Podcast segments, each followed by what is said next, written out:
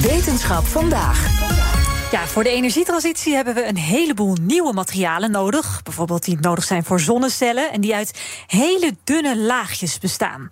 Om die laagjes preciezer en ook sneller te kunnen maken, wordt er nu gewerkt aan een gloednieuwe Nederlandse faciliteit. En daar weet natuurlijk Carlijn Meinders alles van, onze wetenschapsredacteur. Hoi, ja. Um, het gaat om een faciliteit van het Nederlandse consortium onder leiding van het Nationale Energieonderzoeksinstituut DIFFER. Mm Daarin gaat dus gewerkt worden aan nieuwe materialen. En als je daaraan werkt, dan zijn er miljoenen mogelijkheden, vertelt Anja Bieberde van Differ. En het probleem op dit moment is dat wij meestal dezelfde materialen gebruiken, omdat we niet zo goed weten welke goed zijn, welke niet goed zijn.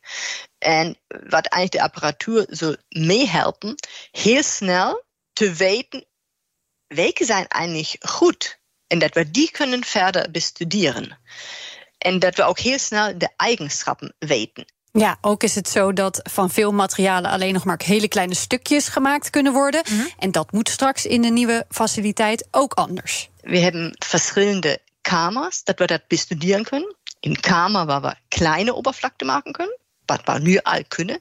En dan één waar we grote. En dan kunnen we heel onder dezelfde omstandigheden bestuderen hoe het met de kleine en met de grote uitziet.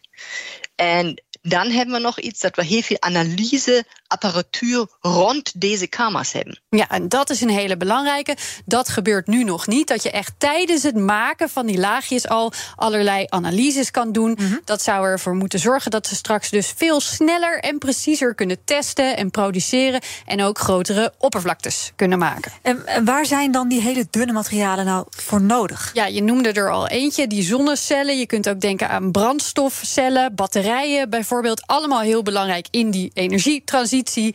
Dus die laagjes die moeten ook allerlei verschillende eigenschappen hebben. In sommige applicaties heb je een poreuze structuur nodig en soms een heel dichte structuur. En soms moet het elektrisch geleidend of halfgeleidend zijn. En sommige moet het isolerend zijn. Dat is echt van de applicatie afhankelijk. Ja, dat zijn nogal verschillende eigenschappen. Zeker. Ja. Maar hoe maak je die? Ja, je zou kunnen denken aan drukken of printen bijvoorbeeld, maar het zit net weer anders. Een laser schiet op het materiaal.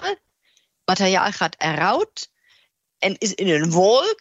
En deze materiaal komt dan terecht op een ander materiaal en vormt daar een dunne laag. Ja. Ik zie dat wel voor me. Ja, en dan is het dus weer, dus weer meteen ook een vast materiaal. Maar tijdens die transitie moet je natuurlijk wel heel goed weten wat je doet. Het is een plasmawolk, daar kunnen ook andere reacties plaatsvinden.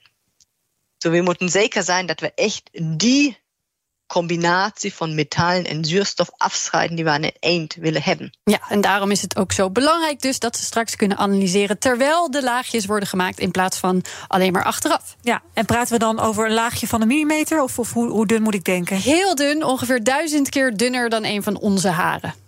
Oh, dat is wel nog wat dunner. Ja.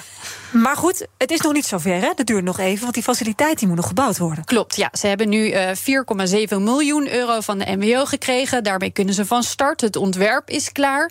Uh, maar daarmee kunnen nog niet alle analyseapparaten meteen draaien.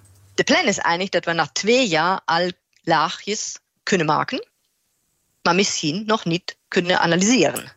We kunnen laagjes maken, maar we hebben nog niet alle analyseapparatuur die daar verbonden met zijn. Nee, ze hopen dus wel sneller al te kunnen draaien. Nu is het nog niet zo ver, maar uiteindelijk moet het een faciliteit worden waar ook andere onderzoekers, kennisinstellingen en bedrijven gebruik van kunnen maken naast al die partijen die al in dat consortium ja, zitten. Want het is wel iets baanbrekends, denk ik. Hè? Als, dit eenmaal kan, dan gaat het uh, hopelijk ten goede komen van een versnelde energietransitie. Mooi. Dankjewel, Carlijn. Business Booster. Hey ondernemer, KPN heeft nu Business Boosters. Deals die jouw bedrijf echt vooruit helpen. Zoals nu, zakelijk tv en internet, inclusief narrowcasting... de eerste 9 maanden voor maar 30 euro per maand. Beleef het EK samen met je klanten in de hoogste kwaliteit. Kijk op kpn.com businessbooster. Business Booster.